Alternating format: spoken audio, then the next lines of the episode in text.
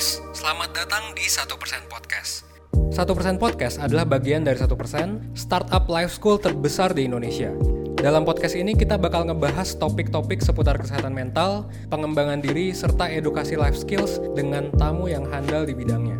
Kami ingin kamu untuk bisa mendapatkan insight baru dan berkembang seenggaknya 1% setiap harinya. So that's all. Enjoy 1% Podcast untuk hidup seutuhnya.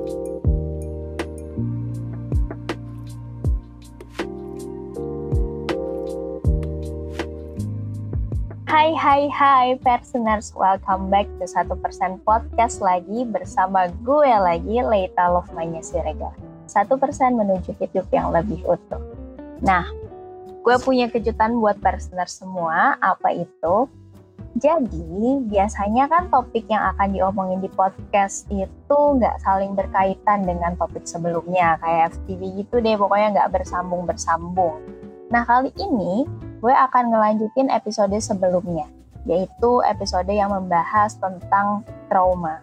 Nah, setelah ngalamin trauma, kita kan akan mengalami keadaan ingin merasa bangkit atau pokoknya keadaan-keadaan e, merasa sedih juga gitu. Ada juga keadaan pengen mulai hari yang baru tanpa ada rasanya trauma itu. Nah, episode hari ini gue nggak sendirian lagi dan gue akan ditemani oleh partner yang sama yaitu Kak Hani. Halo lagi Kak Hani. Halo Lita, ketemu lagi kita. masih ya masih mepet-mepet topik yang sama sih Kak sepertinya. Ngomongin tentang traumatis lagi nih Kak.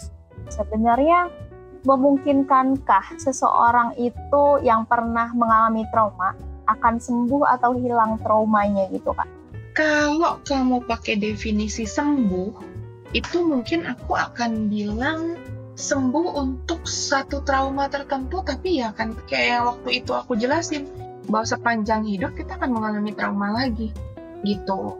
Dan kalau dibilang apakah akan hilang, menurutku pengalaman itu akan tetap ada, tapi cara kita memaknainya yang sudah berbeda ada beban psikologisnya yang sudah akan hilang gitu. Jadi kalau misalnya kita dari kecil mengalami emotional abuse atau kita pernah punya pacar yang emotional abuse sama kita, kejadian traumatis kita punya pacar yang abusive, itu sampai kapan pun kan akan tetap ada, nggak mungkin hilang kan. Istilahnya itu sudah tercatat dalam perjalanan hidup kita.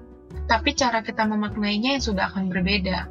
Kalau dulu kita lihatnya itu jadi beban, sekarang ya sudah, oke okay, itu pengalaman hidup Berarti dari yang Kak Hani omongin, jangan-jangan yang aku tangkap nih, jangan-jangan trauma itu nggak selalu berakhir buruk Kak. Apa jangan-jangan trauma itu berakhir buruk selalu? Gimana tuh Kak Hani?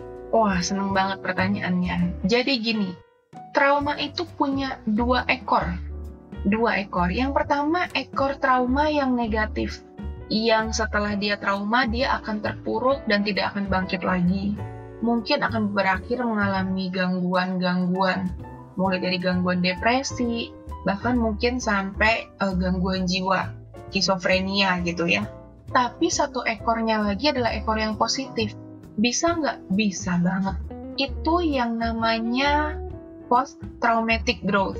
Kita mungkin jarang denger banget, cuma taunya trauma itu akhirnya negatif aja pokoknya. Tapi enggak loh, Le. Kabar baiknya, ada yang namanya PTG, Post Traumatic Growth.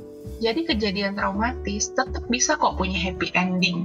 Nah, tadi Kak Hani ada yang menarik nih yang Kak Hani sebutin. Berarti trauma itu nggak melulu tentang akan menjadi depresi, akan menjadi keadaan yang lebih buruk bagi si yang mengalami trauma.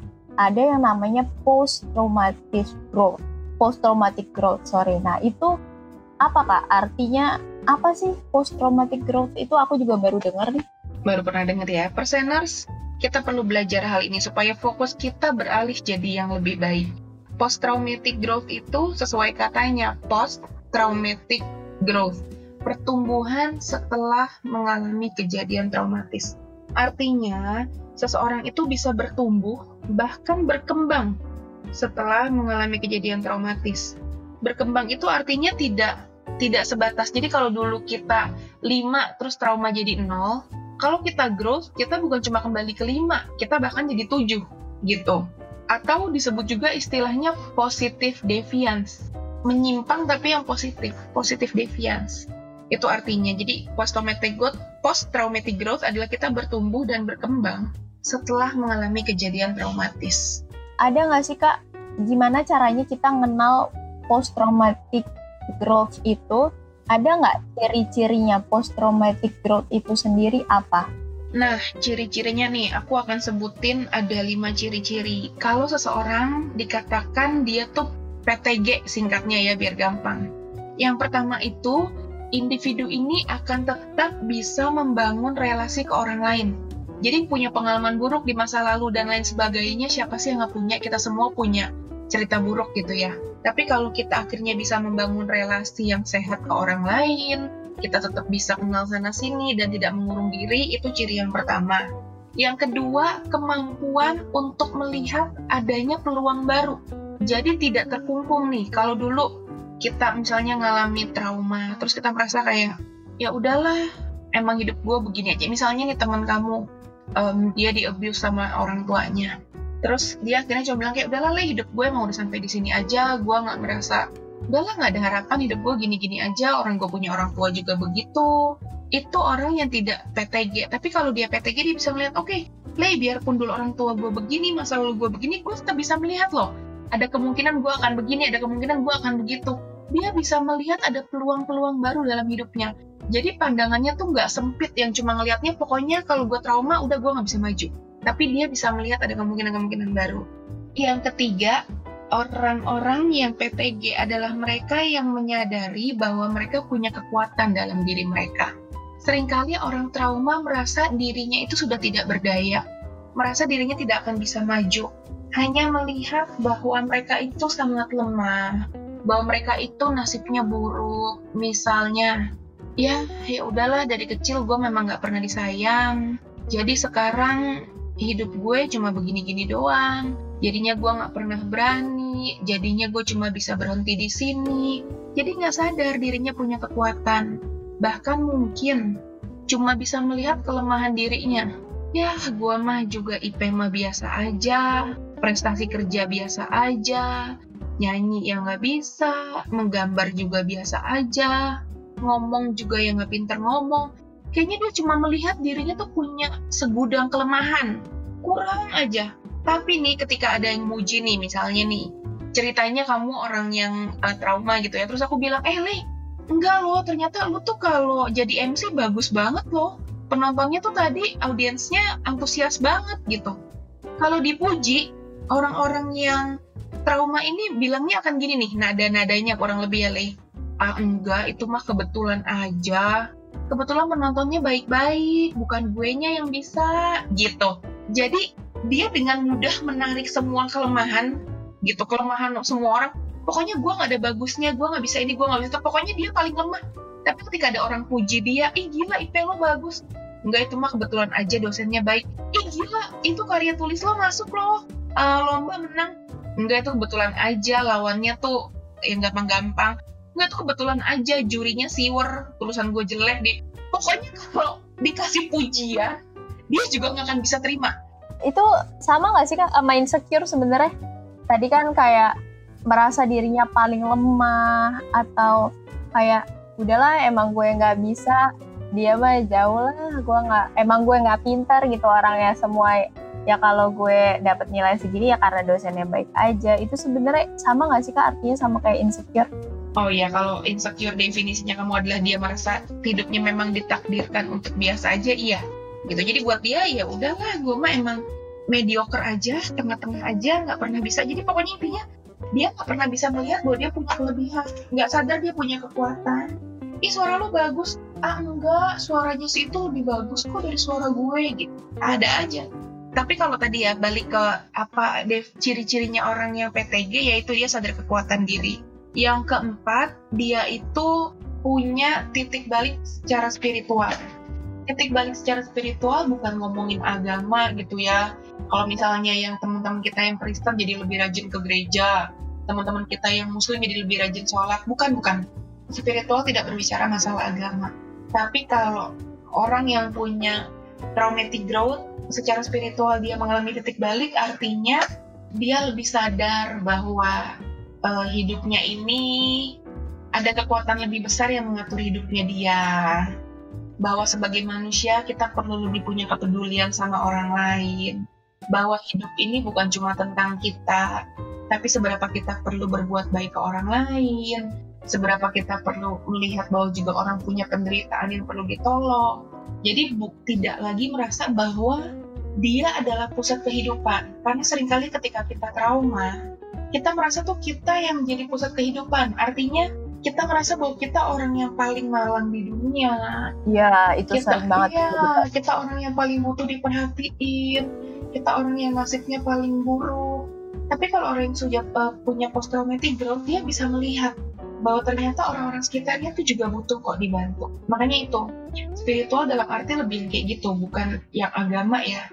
Berarti spirit semangat gitu ya kalau maksudnya ya? Uh, iya, hal-hal yang lebih dalam spiritual itu menurutku berbicara tentang pribadinya kita dengan ketuhanan lingkungan. kita dengan, uh, oh, okay. dengan ketuhanan dan kaitannya dengan lingkungan bukan dengan agama kalau agama kita sebutnya religius kali ya ini kan spiritual bukan tentang religiusitas tapi tentang ya itu lebih dalam pemaknaannya dengan lingkungan benar gimana kita bisa melihat bahwa orang lain pun butuh ditolong gitu dan yang terakhir itu orang-orang yang post traumatic growth mereka lebih menghargai hidup. Menghargai hidup dalam arti bahwa uh, oke okay, hidup gue kayak gini ini adalah sebuah kesempatan misalnya yang diberikan untuk gue bisa lakukan ini ini dan ini. Lingkungan kerja gue kayak gini kayak gini yang perlu diterima. Gue punya orang tua yang kayak gini ya nggak apa-apa. Itu jadi melihat bahwa dirinya apa yang dia lakukan apa yang dia punya itu ya sesuatu yang perlu di appreciate gitu. Bukan lagi kayak ya gue mah cuma kayak tadi contohnya ya gue mah kerja segini-gini aja. Tapi enggak bahwa oke okay, gue tetap gue mungkin levelnya cuma staff belum jadi manager. Tapi tetap dihargai bahwa iya gue jadi staff pun gue menikmati kok. Karena gue tahu ini pencapaian gue sendiri misalnya gitu. Jadi kalau kita sebutnya post traumatic growth punya ciri-ciri yang tadi itu tuh kayak aku ulangin ya. Mampu membangun relasi dengan orang lain bisa melihat peluang baru menyadari kekuatan diri ada pertumbuhan spiritual dan lebih menghargai hidup. Jadi tidak dengan menghargai hidup juga mungkin ini, nggak dengan mudah bersyukur kayak, ya kayak ya? bersyukur, terus nggak dengan mudah kayak ah udahlah gue mau mati aja lah. Ngapain sih gue hidup? Kayaknya nggak ada bagus-bagusnya gue hidup. Semua orang jahat sama gue. Nggak. Kalau kita menghargai hidup, kita tahu bahwa hidup itu layak diperjuangkan. Menarik banget. Post traumatic growth atau PTG itu benar-benar kayaknya positif banget. Iya. Biasanya, uh, biasanya kita ngomongin trauma udah nih. Buntu aja buntung. Ternyata ada PTG iya ini dia lah aku tuh seneng banget. Pengen pengen kita semua tuh teredukasi sama hal ini. Karena tadi yang kamu bilang kalau orang udah bahasnya trauma cuma tahunya kayaknya gelap sedih muram gitu. Padahal ayo teman-teman perseners kita belajar melihat sisi yang lain. Bahwa kejadian trauma bikin kita lebih bangkit. Nih contoh deh kalau yang secara umum ya.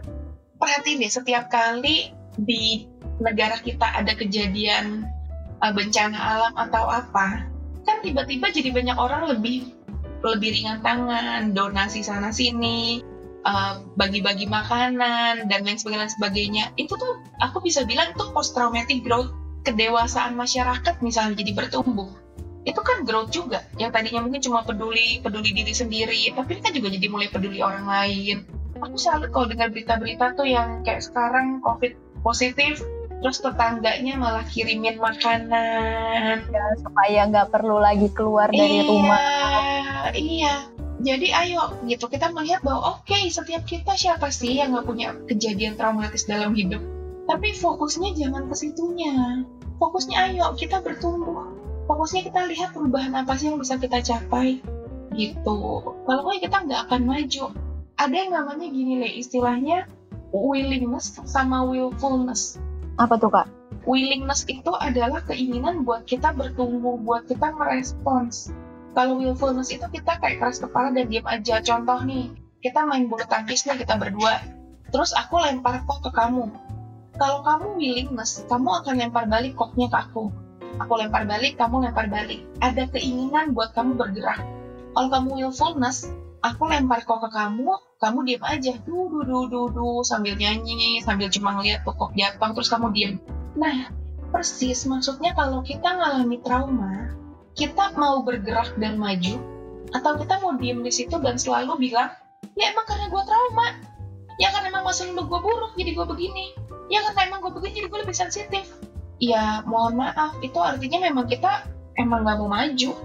Jatuhnya malah jadi egois ya kak? Iya, malah jadi pengen semua orang harus ngerti gue. Kan pernah trauma jadi lo jangan kayak gitu dong ke gue. Iya tapi pas dibilang lo harus berubah. Ya nggak bisa. Namanya aja gue trauma. Sebenarnya ini tuh harusnya personers uh, kalau sering dengar lagu ada lagunya Fiersa Bersari tuh salah satunya kalimatnya sedih itu pasti bahagia itu sementara. Ya berarti kan memang sebuah kesedihan kalau datang ya udah terima aja dan kalau seandainya lagi bahagia, jangan terlalu bahagia juga dan jangan terlalu sedih juga. Dijalanin aja semuanya emang pasti akan mengalami hal yang sama gitu. Iya, iya. Gitu. Jadi ya tadi jangan merasa kita tuh pusat kehidupan semuanya tentang aku, aku, aku dan aku. Akhirnya nanti malah jadi egois, malah jadi annoying sama semua orang. Jangan nyalahin keadaan yang udah lalu-lalu gitu.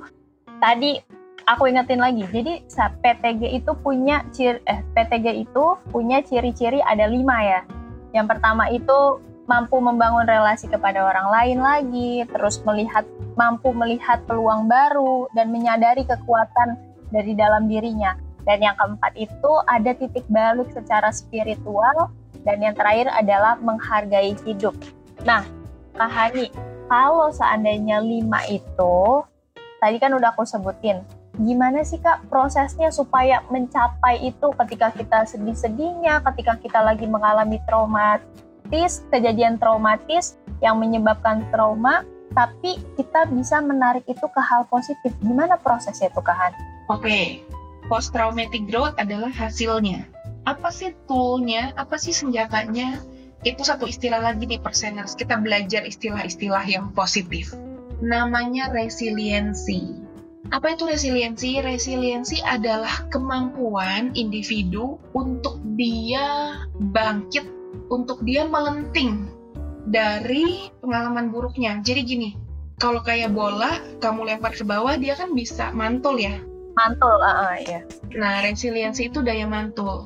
Jadi kalau kita ngomongin prosesnya, dia kalau kejadian traumatis, dia bisa mantul, dia mencapai post traumatic growth. Jadi ada tiga, kejadian trauma, dia resilient, dia mencapai post traumatic growth. Nah, jadi resiliensi itu hal yang penting nih perseners, please banget diingat. Kata ini resiliensi adalah kemampuan seseorang untuk melenting, untuk mantul dari kejadian buruk di masa lalu. Supaya kita bisa resilient, ada faktor-faktor yang mempengaruhi. Uh, ada satu tokoh yang bilang untuk kita bisa resilient, kita perlu sadar ada tiga faktor yang eh, mempengaruhinya. Faktor ini disebut sebagai I have, I am, sama I can. Kalau seseorang yang resilient, uh, seseorang bisa mencapai titik daya lenting ketika satu dia I have. I have artinya dia sadar, dia punya sumber-sumber dukungan buat dia bisa bangkit. Dia tahu oh ada orang-orang yang dukung dia untuk dia bisa bangkit dan dukungannya ini tidak harus dari orang tua, tidak harus dari keluarga terdekat, tapi bisa loh diganti sama orang-orang yang kita mungkin teman kuliah, teman kerja kita yang istilahnya baru ketemu gede. Kenapa aku perlu ingetin hal ini, Lei? Karena sering kali kita tuh, aku cukup sering ketemu klien yang merasa gini, ya keluarga aku aja nggak dukung kak, gimana aku bisa maju? Keluarga, orang tua itu hal yang penting dan substansial dalam hidup kita. Tapi ketika mereka tidak bisa memenuhi itu, bukan artinya hidup kita berakhir. Ada orang-orang di sekitar kita yang akan bisa kok menggantikan. Kompensasinya lah istilahnya. Mungkin orang tua nggak dukung, tapi kalau kita punya pacar yang baik banget misalnya, atau kita punya dosen yang kita bisa anggap seperti bapak kita sendiri, iya, atau punya guru yang baik banget, itu bisa kok mendukung kita untuk kita bangkit. Karena bukan cuma keluarga dan orang tua. Jadi salahlah kalau kita merasa tanpa keluarga dan orang tua aku tidak akan pernah bisa maju. karena I have di sini, dukungan di sini tidak secara khusus membahas keluarga, tapi bisa siapa pun. Yang penting adalah cara bagaimana kita memaknai orang-orang itu mendukung kita. Jangan sampai gini, Le. Katakanlah, kamu lagi lah ya contohnya, nggak apa-apa lah ya. Iya, iya. Misalnya, kamu tuh udah punya pacar yang baik banget dukung kamu. Dia tuh mendukung banget buat kamu bertumbuh misalnya gitu ya, buat kamu tuh berubah. Tapi kamu tetap yang ada di pikiranmu adalah coba keluarga kamu bisa lebih dukung kamu. Coba pikirannya coba yang itu bisa padahal di depan mata kamu nih udah ada loh. Tapi kamu nggak anggap. Itu kan sedih banget ya. Istilahnya kayak kita masih bilang aduh pengen makan somai Bandung yang pakai bumbu kacang, aduh pengen makan somai Bandung yang pakai bumbu kacang. Tapi sebenarnya di depan mata kamu tuh udah ada siomay tapi yang dimsum itu loh. Tapi kita nggak melihat bahwa ada siomay di depan kita yang kita bilang coba bisa makan siomay Bandung. Coba kita bisa makan siomay Bandung. Dan kita bilang itu sampai akhirnya kita nggak makan berhari-hari sampai kita akhirnya mati. Kan sedih ya? Padahal udah di depan mata. Di depan mata tuh ada kompensasinya gitu. Jadi jangan sampai kejadian itu terjadi sama kita. Kita meratapi coba orang tua bisa dukung. Coba kakak lebih dukung. Coba bapak berubah. Coba ibu berubah. Halo padahal mungkin ada orang-orang Tuhan kirimkan malaikat-malaikat yang tidak bersayap di sekitar kita sebagai pengganti figur-figur itu. Gitu. Jadi yang pertama kalau kita mau resilient kita harus sadar bahwa ada sumber-sumber dukungan lebih peka ya kak terhadap lingkungan tuh sebenarnya. Aku suka kata-kata kamu, lebih peka. Kadang kita tutup mata gitu loh. Jatuhnya ujung-ujungnya nggak bersyukur lagi. Iya, lihat yang itu aja, lihat yang itu aja gitu. Yang kedua, I am. I am itu adalah menyadari bahwa kita, sama yang tadi tuh sebenarnya, uh, yang kemarin udah kita sebut, sadar bahwa kita itu punya kekuatan.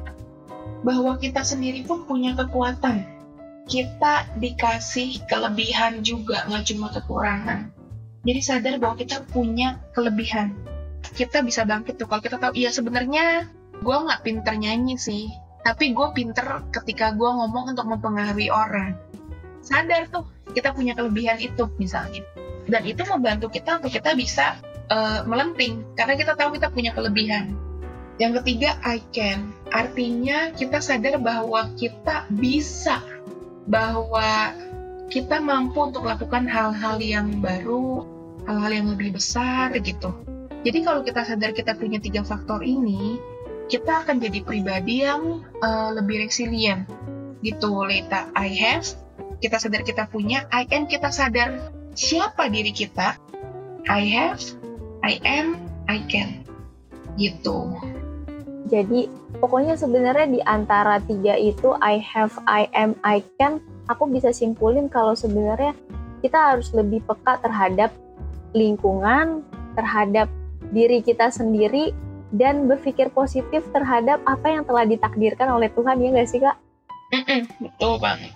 Sebenarnya post traumatic growth ini bisa dibangun dari diri kita sendiri tanpa menyalahkan keadaan, tanpa pasrah dengan ke pasrah dengan masa lalu begitu perseners jadi benar-benar harus diingat kita harus bersyukur sama apa yang kita punya. Betul. Dan gini Le ini bukan berarti kita berpura-pura atau tutup mata bahwa terus kita merasa bahwa kita nggak punya trauma bukan. Tetap mengakui kok bahwa kita semua punya pengalaman buruk bahwa kita semua punya kejadian yang traumatis dan lain sebagainya tapi ini tuh cuma apa ya dalam tanda kutip ya sesimpel kita coba mengalihkan perhatian kita. Dari betapa tidak beruntungnya saya menjadi betapa saya punya kemampuan untuk bangkit. Bahwa kejadian traumatis ini bisa membuat saya bertumbuh itu karena ya tadi memang ya tadi ya semua orang punya kejadian punya pengalaman buruk kok tapi seberapa dia mau untuk bangkit dan aku bener-bener senang banget waktu dikasih tahu kita mau bahas topik ini, Le. Karena aku berharap teman-teman perseners itu, yuk kita sama-sama jadi agen perubahan. Kita mulai mengganti mindset kita kalau gue trauma, gue trauma, gue nggak bisa bangkit. Selama ini yang kita tahu tuh cuma kata-kata itu. Sekarang mulai kenal istilah baru, post-traumatic growth, resiliensi, mulai lebih akrab sama kata-kata itu Karena memang ini salah satu pendekatan dari psikologi positif. Gitu, melihat bahwa semua kejadian buruk tetap ada kok tujuan baiknya, tetap bisa kok kita dapetin sesuatu. Tetap bisa kita bahkan bertumbuh dan jadi lebih baik gitu. Jadi nggak fokusnya bahwa aduh betapa aku tidak beruntung bukan. Bahwa oke okay, gue punya kejadian buruk tapi gue mau bertumbuh.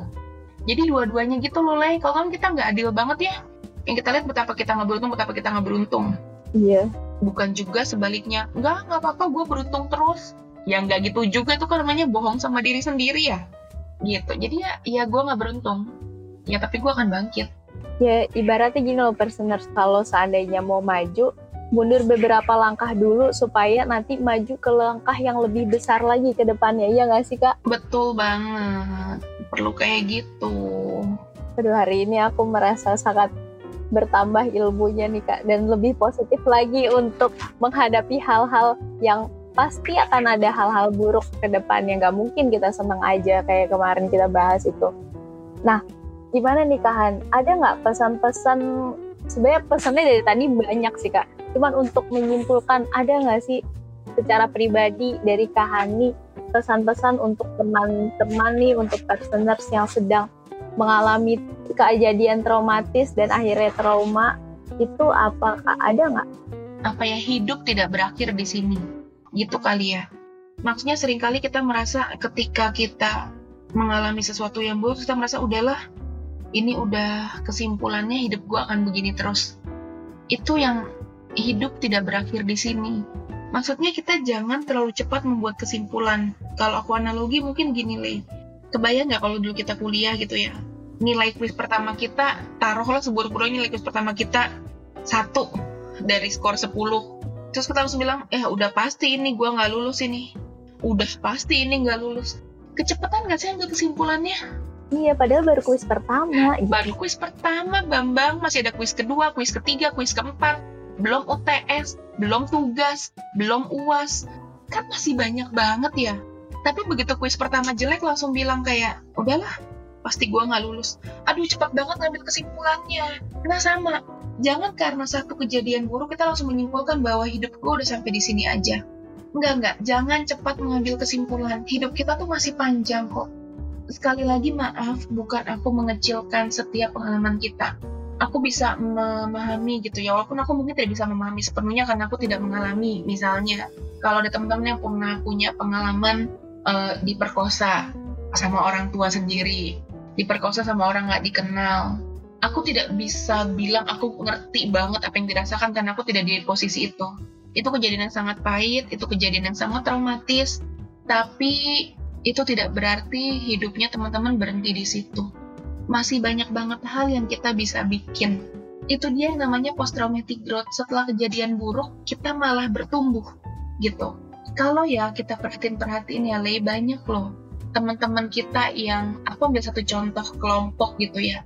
Teman-teman kita yang aktivis kebanyakan mereka yang pernah punya pengalaman itu tapi sekarang jadi kayak kemarin aku uh, beberapa kali lah aku tuh pernah ketemu mereka yang misalnya pos jadi positif uh, HIV bukan karena kesalahan mereka tapi terus mereka justru jadi peduli hak hak orang HIV mereka justru mengajari gimana caranya untuk uh, tidak mencegah penularan, gimana pentingnya minum obat teratur.